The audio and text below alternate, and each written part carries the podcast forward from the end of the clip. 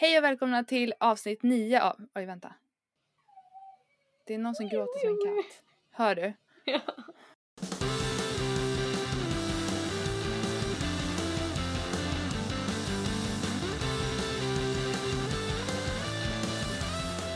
Hej och välkomna till avsnitt 9 av Kvinnodjuren med mig Josefin. Och mig Lina. Egentligen skulle vi ha diskuterat ordspråk idag, men det får vänta för istället så vill vi göra ett extrainsatt nyhetsavsnitt eftersom att det har hänt så mycket de senaste veckorna som är relevant för det som vi vill belysa med den här podden. Vi måste ju prata om det som på ett sätt är elefanten i rummet eh, för många av oss, nämligen rasism. Det har ju varit väldigt mycket om det i media på senaste. Eh, rasism är ju någonting som vi är väldigt starkt emot och vi ser oss själva som antirasister.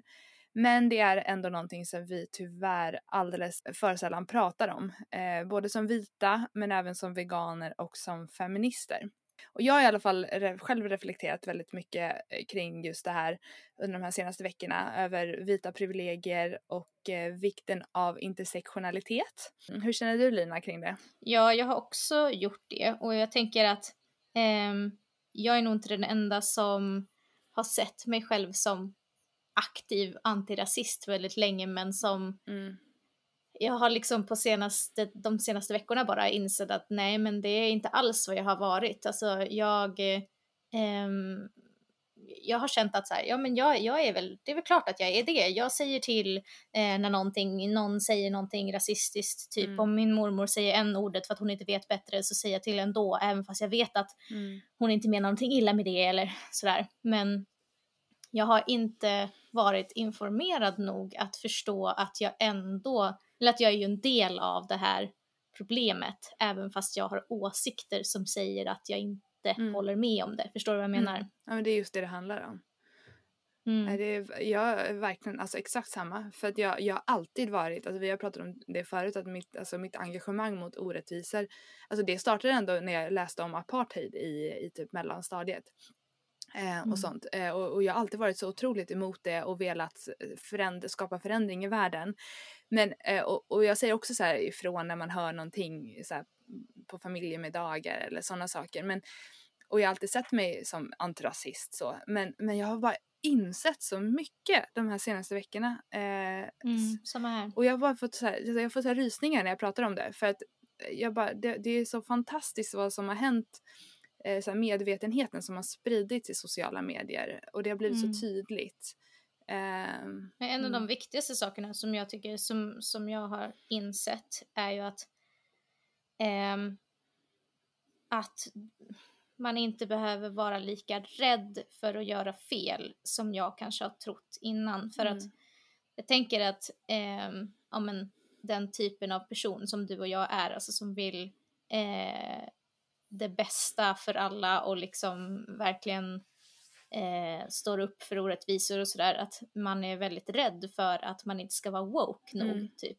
Precis. Ehm, och eh, när det här liksom började så tänkte jag att och jag vet inte vad jag ska dela, jag vågar inte eh, göra ditt eller datt för att jag är så rädd att eh, jag ska göra det på fel sätt eller liksom på grund av vem jag är liksom Mm. och vad jag har för hudfärg, att det ska backfire liksom och bara bli, göra saken värre för att det är verkligen inte vad jag vill. Men Mm. det är jättemånga, jag har läst väldigt mycket om det nu senaste veckorna, eh, om hur man ska se på det, den här rädslan liksom. Ehm, och insett att ehm, det är ju bättre att jag försöker göra någonting än att jag är tyst och inte gör något för att jag är rädd för att vara obekväm. Mm.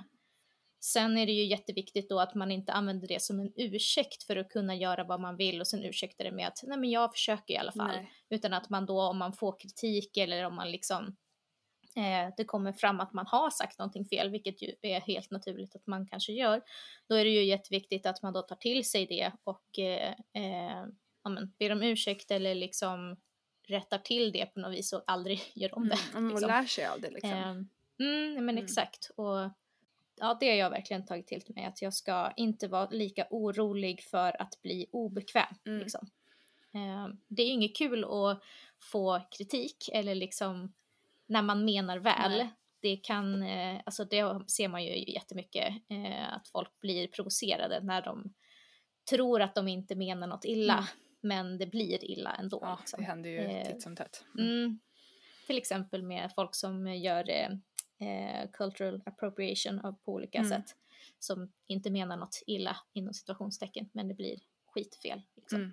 Men det största jag har känt också, alltså, jag hå- håller med dig om allt det du säger, men en stor del också av den här rädslan har jag ju insett är ju för att jag inte har vetat tillräckligt. Alltså jag har inte, jag Mm, har inte satt mig in i, i det förtryck och i de situationer och det våld som ändå sker. Alltså eh, som har blivit uppmärksammat så mycket nu och ja, det handlar om bara att läsa på.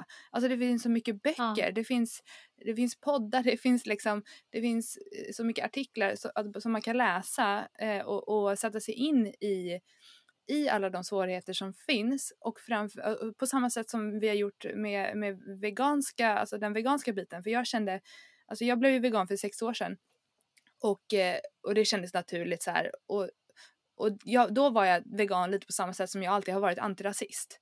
Men för ett år sedan Mm. så gjorde jag så värsta deep dive, deep diven och blev så här, jag bara läste på jättemycket. Jag bara, "Ah, men jag vill inte vara en tyst vegan längre utan jag måste liksom höja min röst för att, för att jag kan och för att jag, jag, jag vill skapa förändring. Det räcker inte bara med att gå och vara det för min egen del.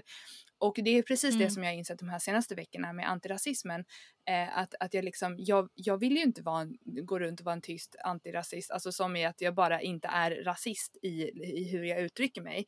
Men jag går ju fortfarande runt och eh, eh, lever på mina vita privilegier och blir behandlad på ett sätt utifrån vilken hudfärg jag har. Alltså jag har ju liksom många fördelar i samhället bara eh, av att jag ser ut som jag gör. Ja, Och, precis. och liksom att bara ha, ha, ha djupdykt i det här och förstått eh, mycket, mycket mer gör att jag blir mindre, mindre rädd varje dag också för att, Mm. för att faktiskt prata om det. Ehm, och det är så viktigt. Och ja, det är, bara, det är bara så viktigt. För det är just det vi måste göra. Läsa Mm, på. Jag känner exakt samma sak. Jag, jag, eh, jag tänkte exakt så där som du sa med eh, att du jämförde det med, med din veganska resa. För jag tänkte faktiskt exakt på det för några dagar sedan. Att, eh, att jag jämförde med när jag var lakto-ovo-vegetarian. Mm. Eller precis innan jag blev lakto-ovo-vegetarian. Där man hade en liksom period av att så här, jag bryr mig jättemycket om djuren. Jag vill inte att eh, djuren ska ha det dåligt. Eh, men Mm. så då blev jag vegetarian och då visste jag inte så mycket mer. Jag gjorde liksom en liten grej som är så här, det här är min det här är mitt, det jag, mitt strå jag drar till stacken och min statement att Mm. jag vill inte att djur ska ha det dåligt. Men sen så kunde jag ju ingenting om vad det innebar och liksom så att det känner jag är samma sak som nu, att jag, eh, jag har alltid haft ett, eh, en åsikt om eh, att jag är antirasist, men jag har inte haft tillräckligt med kunskap för att förstå att jag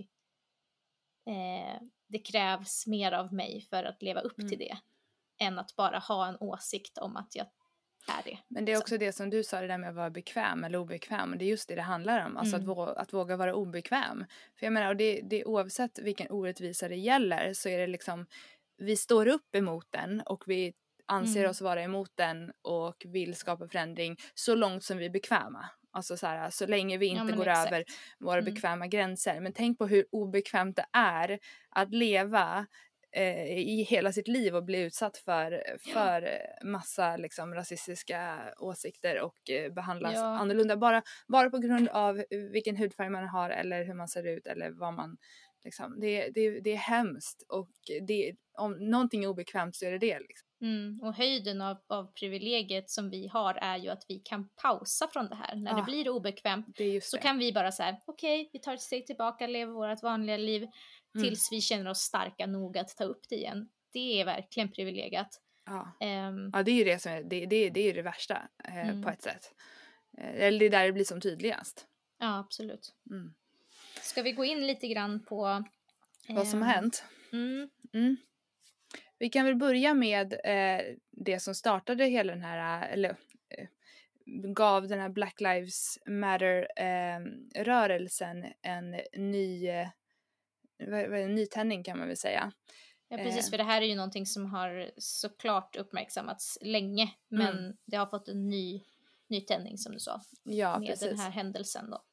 Ja, det var ju då såklart fallet med George Floyd den 25 maj, vilket är bara för någon vecka sedan. Eh, George Floyd var en 46-årig man, afroamerikansk man, som eh, kvävdes till döds av en polis i Minneapolis i USA. Eh, händelserna filmades av en förbipasserande och videon spreds snabbt på sociala medier. I videon så kan vi se hur George ligger på marken, eh, på magen, intill en polisbil medan en polis trycker sitt knä mot högra sidan av hans hals. Och han blir fasthållen i nästan nio minuter eh, och han säger upprepade gånger, 16 gånger tror jag, att han inte kan andas.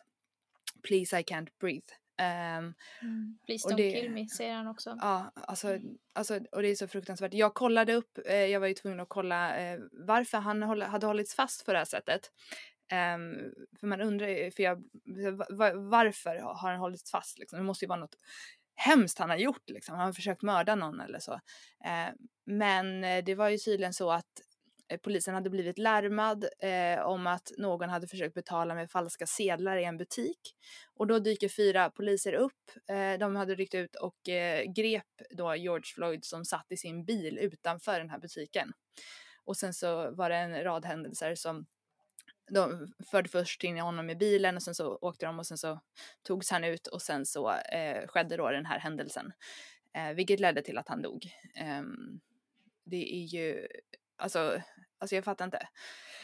Jag, eh, det, det är bara i sig, jag fattar inte hur någon människa kan göra så här mot en annan människa. För det första så, så förstår jag inte hur poliser i USA kan ha befogenhet att göra såna här saker.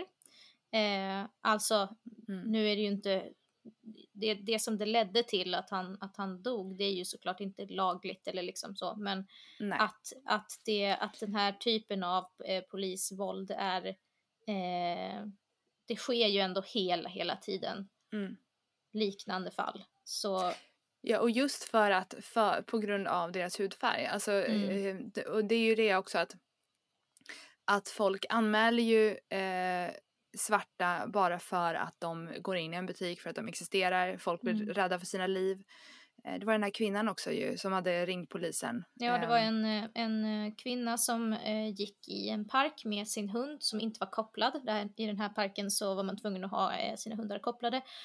Dels för att det finns mycket vilda djur och fåglar i den parken som de vill skydda. Mm. Och då var det en fågelskådare, en svart man, som sa till den här kvinnan att du måste koppla din hund. Och då ringde hon då polisen och eh, sa att hon blev trakasserad av den här mannen. Um, mm. Hon sa väl så. att hon var rädd för sitt liv typ? Ja. Mm. ja. Och det är alltså återigen då för att, eh, för han var ju svart. De säger väl då poliserna eh, och andra människor att man är rädda för sitt eget liv. Så att det, och då blir det som, på något sätt som att de menar på att de agerar i försvar. Mm. För de här människorna var ju farliga. Um, och det är ju då när man tittar på vad som faktiskt händer så är det ju så fruktansvärt eh, sorgligt att det eh, pågår i vårt liksom, samhälle 2020. Mm. Men eh, den här, det här mordet då på George Floyd eh, ledde ju såklart till omfattande protester. Eh, det började i USA redan dagen efter eh, men det spred sig, spred sig världen över.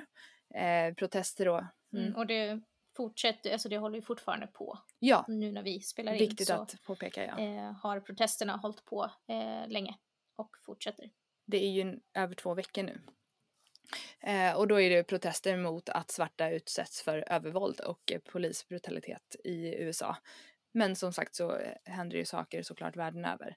Eh, men det, det, har ju varit då fysiska protester eh, och det har ju varit lite problem, extra problem eftersom att detta eh, vi ändå fortfarande lever i den här coronaviruspandemin så jag antar att det har varit extra stark, eller det har ju varit extra starka restriktioner mot eh, folksamlingar och därmed extra, eh, antar jag, polis, eh, polisingrepp, speciellt ja, även här i Sverige har det ju mm. eh, förekommit sånt. Eh, men det hade ju förmodligen varit ganska så mycket polisingrepp ändå. Men, ja, det här mm. känns lite som att eh, eh, eh, vanliga människor kan använda det här alltså för att uttrycka sin lite underliggande rasism. Mm. Folk som innan har varit, eh, inte alls brytt sig om restriktionerna eh, är nu väldigt upprörda över att folk har gått ut på gatorna och protesterat för att mm. man måste ju stanna hemma liksom. Vi har ju sett jättemycket exempel från de som har varit ute och protesterat för några veckor sedan, alltså vita amerikaner om typ jag måste få gå till eh, frisören eller typ sådana där fåniga grejer.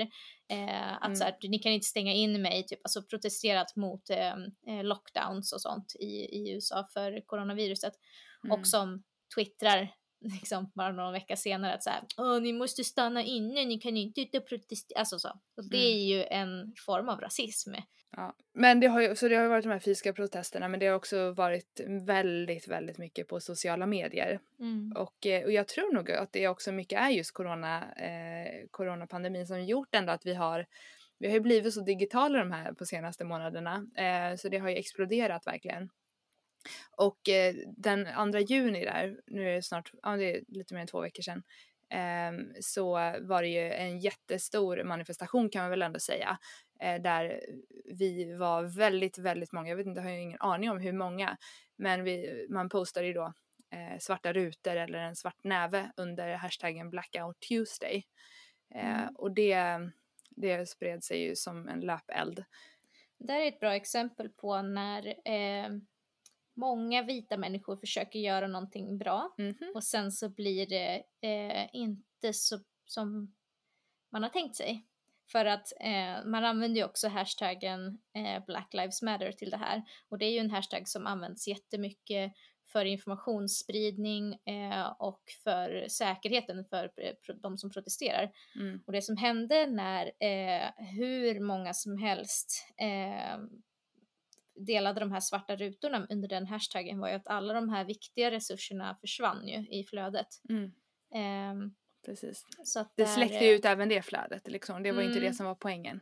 Ja, och jag läste också faktiskt att även om man använde Blackout Tuesday eller någon annan hashtag som trendade, alltså eftersom att eh, hashtags kan trenda på Instagram så trycker det ut andra hashtags även om man inte mm. använder samma. Jag är inte helt med på hur den algoritmen funkar men mm.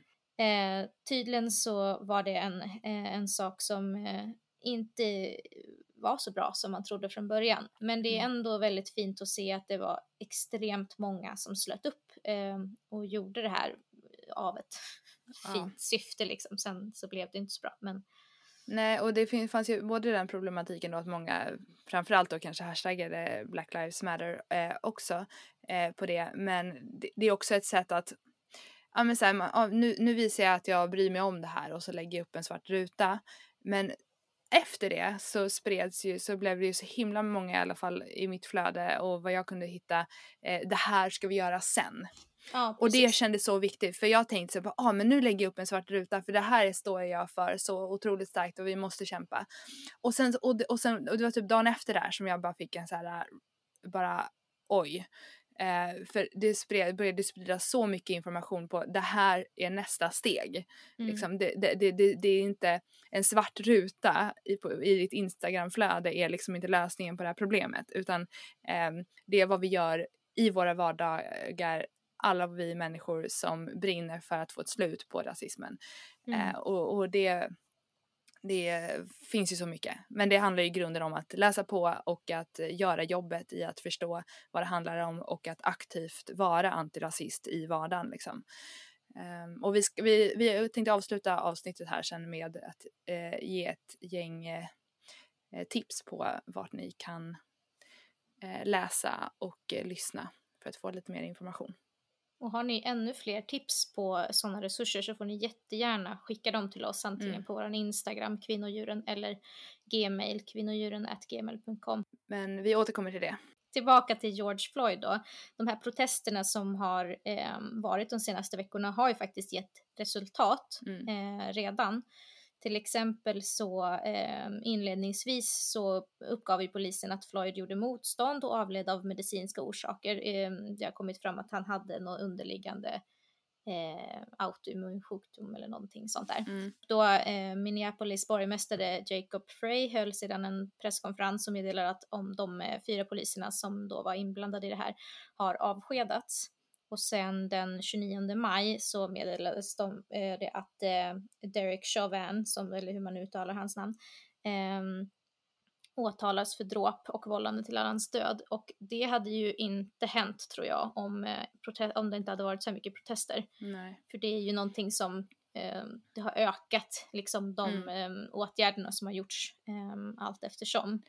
Jag tror också att, för vad jag läste nu senast faktiskt, eh, det var igår jag läste, att han har ju åtalats för second degree murder. Eh, Jag vet Mm. inte riktigt vad det är, men jag tror att det är värre än det. Eh, ja, dråp är ju ehm, eh, längre ner på skalan. Secondary, alltså murder är ju inte dråp. Eh, Nej, okej. det är, Mm. Alltså vållande till annans död och mord är Mm. olika saker. okej. Så att det är att, eh, ja, om jag förstår det här rätt så har det ökat liksom i, i allvarlighetsskalan. Mm. Liksom. Eh, och eh, det verkar också som att de övriga tre poliserna eh, utreds för brott. Och, eh, Jag tror att de till och med har åtalats nu också. Ja. Eh, för det, det händer ju hela tiden tack vare att vi är, eller, eller vi, men alltså tack vare att den här, de här rörelserna finns och att man är så, eh, ja, det väcker, det händer saker jättemycket. Hela, he, varje dag får man höra nya saker liksom. Det har ju lett till förändringar. Ja men det visar verkligen på att eh, vi som, ehm, alltså alla vi i hela världen, alltså vi som privatpersoner eller vi som enskilda människor kan göra skillnad för saker. Man är inte så maktlös som man kan sitta och tänka att man är. Mm. Eh, och det är lite typ ett genomgående tema genom det här avsnittet tänker jag, för det är saker som vi ska prata om senare och hör också med det att göra, Mm. att vi kan göra skillnad genom att stå upp mot sånt här. Precis. Man tänker att de här små, små sakerna inte, inte spelar roll liksom. Men Mm. oavsett om det handlar om att man säger till farbror Kalle på, på familjemiddagen att det är inte okej att uttrycka sig på ett visst sätt. Eh, från att, till att man går ut och protesterar. Alltså allting, allting har betydelse.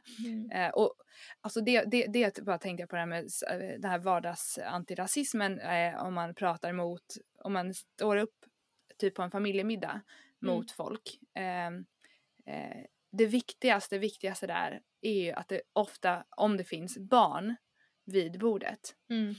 Eh, om någon då sitter och säger eh, n-ordet eller eh, eller bara, alltså, oavsett hur, hur hemskt den är. Om det sitter barn där och lyssnar, alltså mina barn lyssnar väldigt intensivt på vad vuxna säger. Ja. Eh, alltså de är, sådär, de är som små svampar verkligen.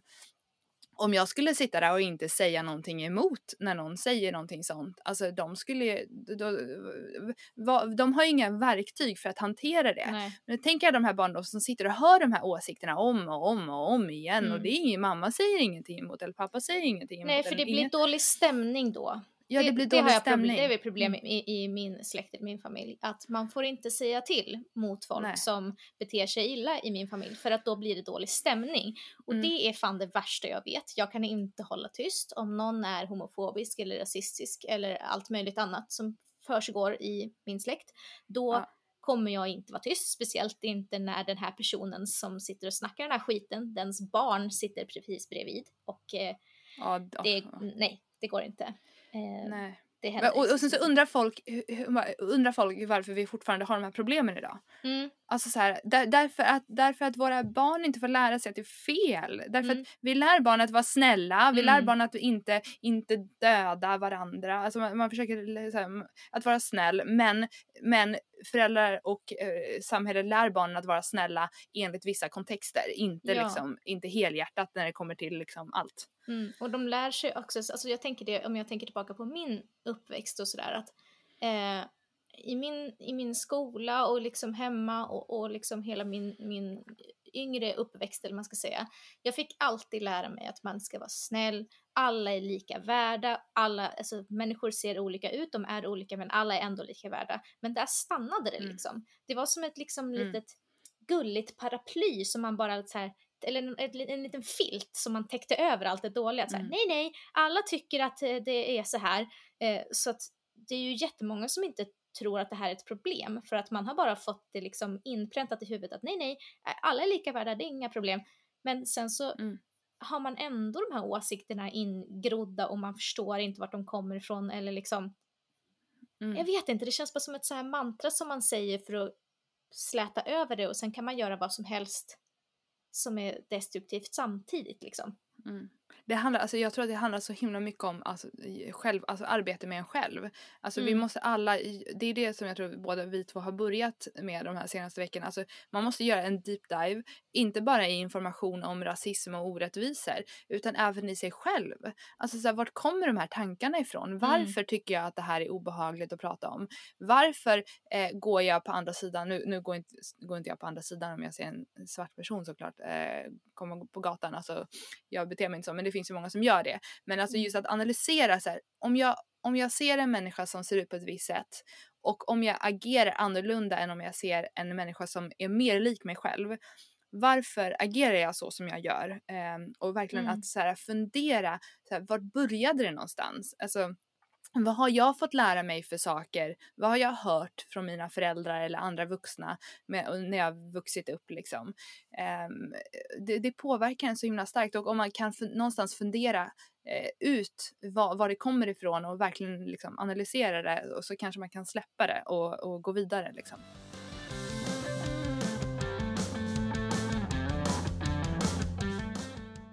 Häromdagen så hölls det en eh, föreläsning, en onlineföreläsning via Animal Save Sweden som är en eh, djurrättsorganisation.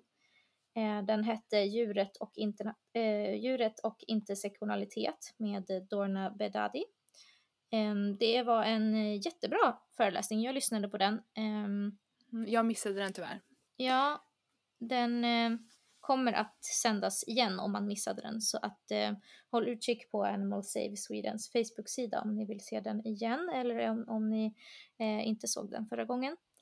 Eh, jag tyckte att det var en jättebra föreläsning, speciellt om man är i början av den här resan eller vad man ska säga, om man mm. inte vet vad intersektionalitet är för någonting eller om man eh, inte förstår hur djuret eh, skulle kunna hänga ihop med andra saker eller om man inte kan så mycket om rasism eller sådär. För att den var väldigt pedagogisk på ett, eh, alltså ner till en väldigt grundläggande nivå utan att vara dumförklarande. Eh, mm. Vilket jag tycker var superduper duper, duper, duper bra.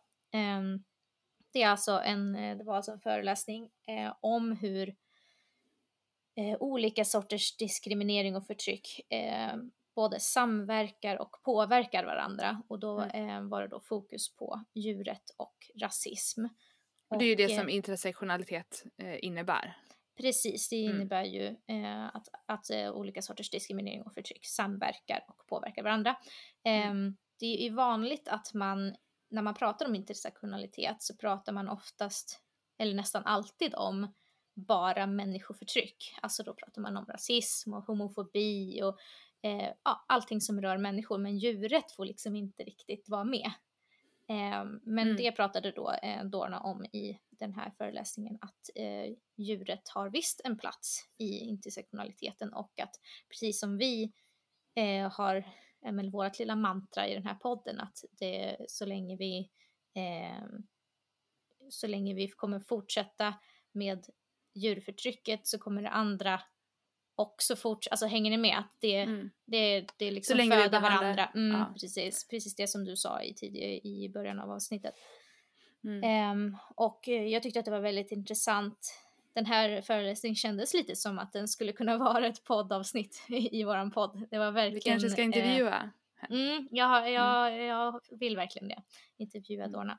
Uh, för det här var verkligen, verkligen precis det vi pratar om.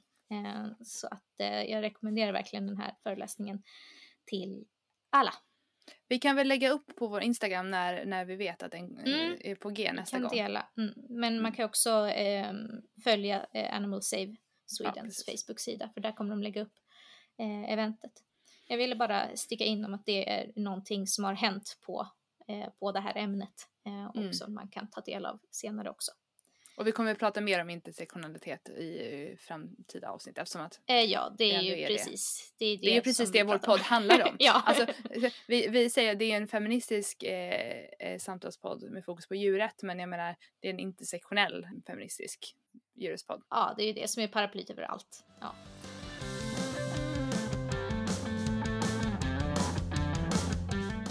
ja, vi går vidare till nästa eh, katastrof, höll jag på att säga. Eh, vi ska prata om Satan Foods.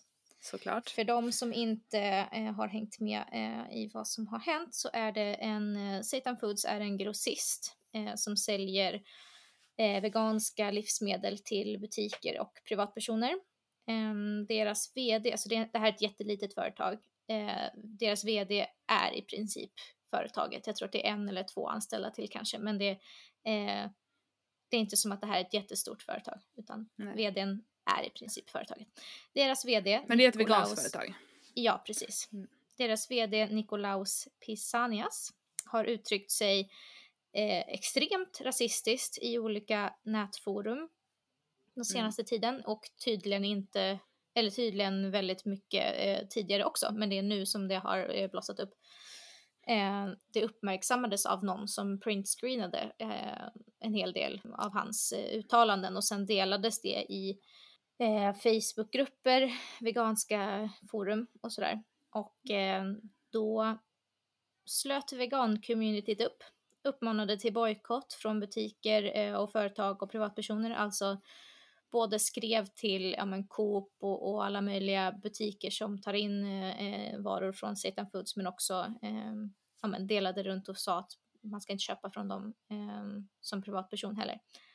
Ehm, och det som hände då, alltså mm. alltså det här har ju blivit en eh, så himla sjuk grej av det här. Eh, ja, det... För att det som hände då var ju att eh, Satan Foods först eh, Eh, gick ut med att ehm, kontot eh, var hackat och att vdn inte stod bakom de här kommentarerna. Eh, vilket visade sig vara en, en lögn för att någon dag senare så eh, kom det en lång, alltså ett långt, långt, långt brev som då skulle, vad jag förstår, eh, funka som någon form av ursäkt. Eller i alla fall ett erkännande att eh, det är ju då den här Nikolaus som har eh, gjort det här eh, och eh, det har hållit på i många, många år. Eh, han säger inte, alltså han motsätter sig inte att han är rasist eller att han har gjort det här. Eh, det enda han liksom eh, slår ifrån sig är att han skulle vara nazist då och så skriver han jättemycket om att det är jättehemskt tydligen. Mm -hmm, mm -hmm. Men allt annat är liksom så här, ja, ja, ja, ja det, jag är så här och det är så här och, och hans, det han skyller på då är ju, han gör ju en Paolo Roberto och skyller på sitt dåliga psykiska mående.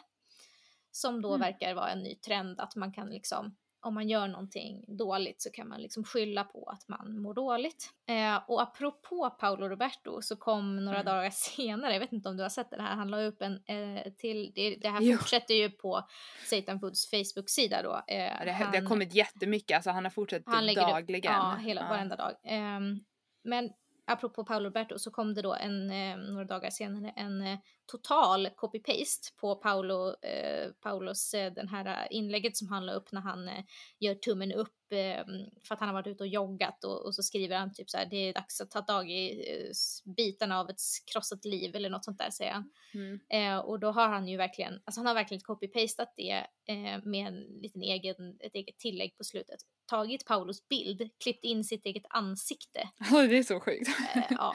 ja. Som att det skulle vara ett skämt liksom. Ja, alltså det är och han svårt. säger också, ja, han har sagt mycket om att så här, typ, han gillar eh, Paolo Roberto och sådär så att han är ju, han är ju sexist också den här människan.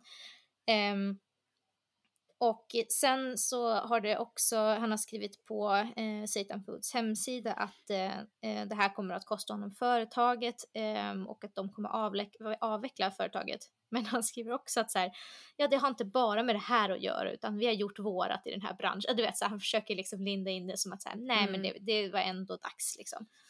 Um, men mm. som sagt, ja. efter att han har fått all, all den här kritiken och liksom han har gjort sin uh, ursäkt och sådär, han har varit med i P3 Nyheter som frågade honom, alltså som bad om hans mm. eh, svar på det här och sådär.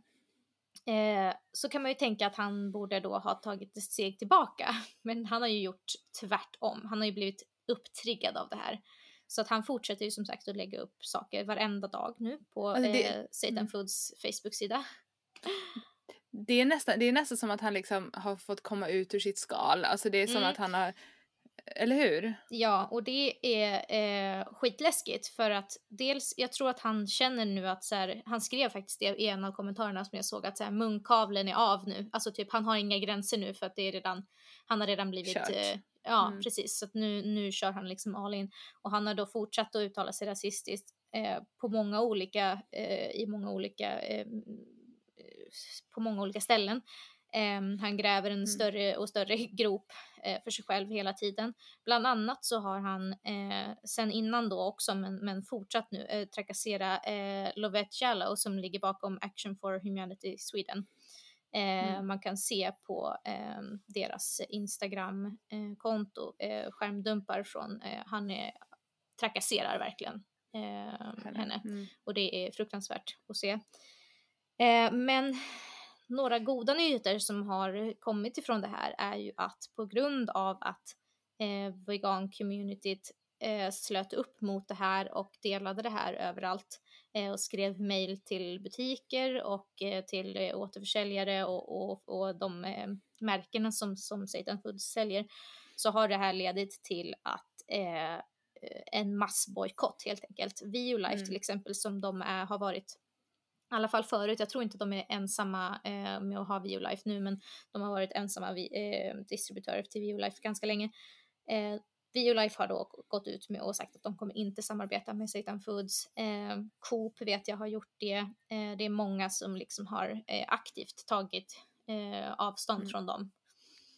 Ehm, och eh, det har varit jättefint att se hur veganer har hjälpt till, inte bara att liksom men starta ett drev liksom och bara, bara det, det, är inte bara hat och liksom bojkott och, och allt sånt mm. där utan det är också att de har eh, hjälpt till att styra återförsäljare och tillverkare mot andra leverantörer och liksom föra det här vidare för det här handlar ju inte alls om att eh, Violife som företag är dåligt och vi ska bara eh, vi vill att de ska gå i graven. Alltså det handlar Nej. om att du kan inte bete dig på det här viset och det har konsekvenser. Mm. Eh, så att jag tycker att det har varit jättefint att se att eh, man då har eh, hjälpt till att eh, styra vidare det här till andra eh, distributörer och grossister. Mm. Ehm, så att Precis. inte eh, liksom typ stora koncerner som Coop och sånt där, de bara ska sluta sälja veganska grejer. Eh, för det hade ju varit jävligt tråkigt. Ja, för det är ju mycket saker som har kommit därigenom. Um, av de saker som mm, finns i butiken. De är ju en av de största eh, grossisterna. Precis, men tack och lov så är det ju en grossist och inte eh, liksom det är inte Violife själva. Nej precis, liksom... alltså Satan Foods hade några egna produkter tror jag men eh, det, de var inte jättestora. Nej precis. Tack och lov. Men, men mm. alltså jag vill bara säga innan vi, innan vi slutar prata om honom att nu tycker jag att vi ska sluta prata om honom Ah.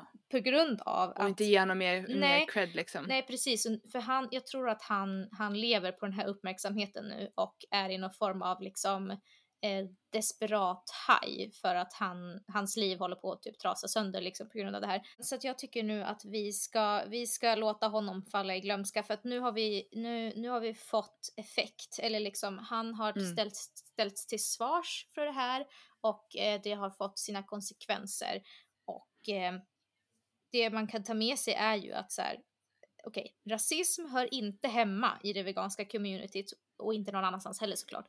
Eh, mm. Men den som försöker tjäna pengar på veganer och samtidigt inte står upp för mänskliga rättigheter, de kommer att få smaka på konsekvenserna. Det ser, har vi ju sett nu.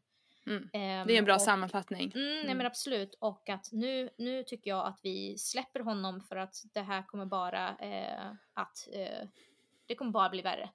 Han mm. kommer bara fortsätta och nu tycker vi att vi låter honom falla i glömska.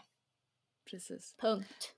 Punkt. Jag tror verkligen det. Jag menar de flesta, de flesta veganer eh, måste ju ändå, tror jag också, ändå stå väldigt starkt upp för mänskliga rättigheter också. Även om man kanske för eh, djurrättskampen eh, högst och tydligast. Men alltså alla veganer jag känner eh, och de flesta är ju ändå så starka antirasister eh, och vill ju så väldigt väl.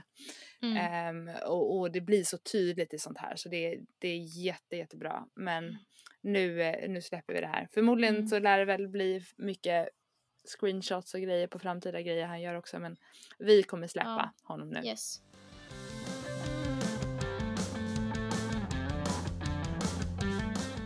Men apropå det som du sa om att, att ha flera åsikter samtidigt, alltså att vara eh, djurrättare och eh, antirasist samtidigt och sådär. Det är ju många mm. som, ehm, eh, alltså man får ju den eh, slängd på sig att säga, men what about barnen i Afrika eller what about, mm. alltså så här, när man pratar om, om eh, djuret och sådär. Och det, mm. det är bara, jag fick mig att tänka på det för att jag lyssnade lite snabbt på Vegovision hade ju deras online-mässa igår. Oh, alltså, eh, alltså inte, det är också en nyhetsgrej. Ja, jag vet, jag vill ta upp det också, men jag, eh, jag glömde skriva det här i, ja. Eh, men mm. jag lyssnade bara en jätte, jätte snabbis för jag, eh, jag kunde inte lyssna på hela tyvärr. Eh, men den kommer också finnas vad jag förstår att eh, se på i efterhand. Det är ja, alltså Vegovision, alltså en, en eh, vegetarisk vegansk mässa som har funnits i många år, eh, som har varit eh, fysisk, alltså man går dit, provsmakar och eh, lyssnar på föreläsningar och så vidare eh, till ett, en plats. Men nu i år på grund av corona så har de gjort det online, eh, så de, de livestreamade genom Youtube tror jag. Och då så tog de upp en massa myter och liksom så här, argument liksom. Och då var det en av de här att eh, ja men eh, ni bryr er ju inte om människor, ni bryr er bara om djuren eller typ så här. Och det är ju mm. whataboutism och eh, eh, jätteknäppt tycker jag att, att folk inte kan förstå att man kan ha flera åsikter samtidigt fastän man aktivt väljer att prata om. Alltså man kan inte prata om allting samtidigt hela tiden. Det går inte och det är inte effektivt. Nej, och det eh. blir också väldigt problematiskt om man hela tiden ska jämföra olika förtryck för att det kan uppfattas väldigt fel. Speciellt om man pratar med någon som, som upplever ett förtryck på ett eller annat sätt och sen så står man där och jämför eh, liksom grisarnas upplevelse med Auschwitz eh, i koldioxidboxen. Mm. Alltså det, det kan bli väldigt, väldigt fel men det finns väldigt många olika förtryck i världen som vi behöver kämpa mot. Eh, ja, och det ena bara... utesluter inte det andra. Nej, verkligen inte. Det det måste gå att prata om en sakfråga utan att uppfattas som att man inte har någon åsikt i någon annan fråga. Mm. Alltså, Men det är väl det intersektionaliteten handlar om? Ja. Bara en liten eh, instickare här när vi ändå pratar om snubbar som har förlorat jobb eh, på grund av att då vanliga människor står upp mot rasism och sexism. Mm. Eh, även eh, bland annat då Alexander Bard eh, läste jag om häromdagen att han eh, Alltså han har ju varit känd hur länge som helst för att uttala sig extremt, eh, bland annat alltså sexistiskt framförallt vad jag har hört, men också rasistiskt. Mm. Och häromdagen så eh, var han igång igen eh, och kommenterade på Black Lives Matter och eh, efter det så har jättemånga eh, mejlat till TV4 och skrivit på petitions och eh, fått, försökt få honom eh, sparkad då från, från eller ja, eh, uppsagd från eh, TV4 och det läste jag häromdagen att det eh, har gått vägen. Han kommer inte att få vara programledare för Talang. Precis. Är, där han är programledare eller har varit programledare. Så att eh, vi kan verkligen göra skillnad. Det, eh, man, det, det, går att göra väldigt så att säga små saker, alltså att sitta och skicka ett mail. Det är inte mm. jobbigt, mm. men det kan ha stora, eh, stor betydelse namninsamlingar. Alltså mm. det är ju jättestora stor betydelse för det. Och det är fant- jag tycker det är fantastiskt vad mycket vi kan göra digitalt. Alltså så här, mm. eh, det behöver inte alltid vara att gå ut eh, på gatorna. Det är inte alla, alla som har möjlighet till det. Man, man kanske inte har tid eller man kanske inte liksom eh, vågar nu med corona eller det, det finns andra anledningar. Men mm. just det, det, här digitala, eh, alltså den digitala uppslutningen som har blivit nu under corona som har blivit så exceptionell har verkligen fått effekt mm. eh, på många saker. Någonting som man, eh, som man kan göra då eh, hemifrån till exempel förutom mm. att eh, eh, ja, men, aktivista ehm, online det är ju att utbilda sig och fortsätta att lära sig mer om det här och som vi sa tidigare så kommer vi att samla en hel del resurser i eh, avsnittsbeskrivningen för det här avsnittet. Eh, ja. Böcker, sociala mediekonton, poddar, eh, dokumentärer och så vidare. Vi kan väl avsluta med att eh, bara ge några, några få tips av eh, de som vi har till om man vill eh, utbilda sig vidare eller läsa vidare. Mm, om jag får välja en, mm. då skulle jag säga eh, 13th på Netflix, en dokumentär. Det är eh, den som har haft störst impact på mig de senaste dagarna som jag har av den informationen som jag har tagit till mig. Ah, okej, okay. den har inte jag sett än. Jag har ju börjat läsa Me and White eh, Supremacy, eller jag har börjat lyssna på den som ljudbok. Eh, en otroligt eh, viktig bok som är som en eh, eh den är som en workbook eh, för vita. Eh, för att eh, jobba med eh, sitt eget vita privilegie. Alltså bara att alltså, så här, verkligen ransaka sig själv på, det är så här 28 dagars eh, arbete man, man, som man skriver så här journaling prompts eh, mm -hmm. och bara mhm. funderar över det här. Så först är det så inledande kapitel om det här problemet och sen så är det så här, det här, det här, fundera över de här frågorna. Det är jättesakligt och jätteintressant. Och jag har åkt dit på flera saker som jag tänkt så här, men jag är ju inte så eller jag har inte tänkt så eller och det gäller verkligen bara att vara helt ärlig och bara totalt så här rannsaka sig själv. Så Shit, intressant. det låter skitbra. Jag har inte läst den um, men det, nu ska jag göra det. den, finns på, den finns på Audible bland annat på, det, det är så mm. free trial där också. Um, ja, som det. finns på nätet. Ljudboksföretag. Uh, mm. Men, men bara, bara några snabba är en podd som eh, jag lyssnar på mycket är Raseriet. Raseriet-podden mm. på, på Instagram kan ni hitta dem. Eh, underbart informativt och jätte, jättebra. Eh, men på sociala medier så är det även Action for Humanity som, mm, som vi eh, nämnde tidigare. Precis. Mm. Och Svart Historia är ett eh, annat konto. En svensk snubbe som Svensk konto, han pratar på svenska då om, om svart historia och mycket positivt. Alltså mycket att lyfta eh, positiv svart historia är jätteintressant. Mm. Eh, men det finns så mycket. Mm. Mm. Jag kommer tänka på också om, om, om man nu vill ta, sitt, ta till sig liksom, eh, någonting lättsmält så att säga eh, så finns det ju också eh, den här tv-serien som heter Dear White People, tror jag den heter.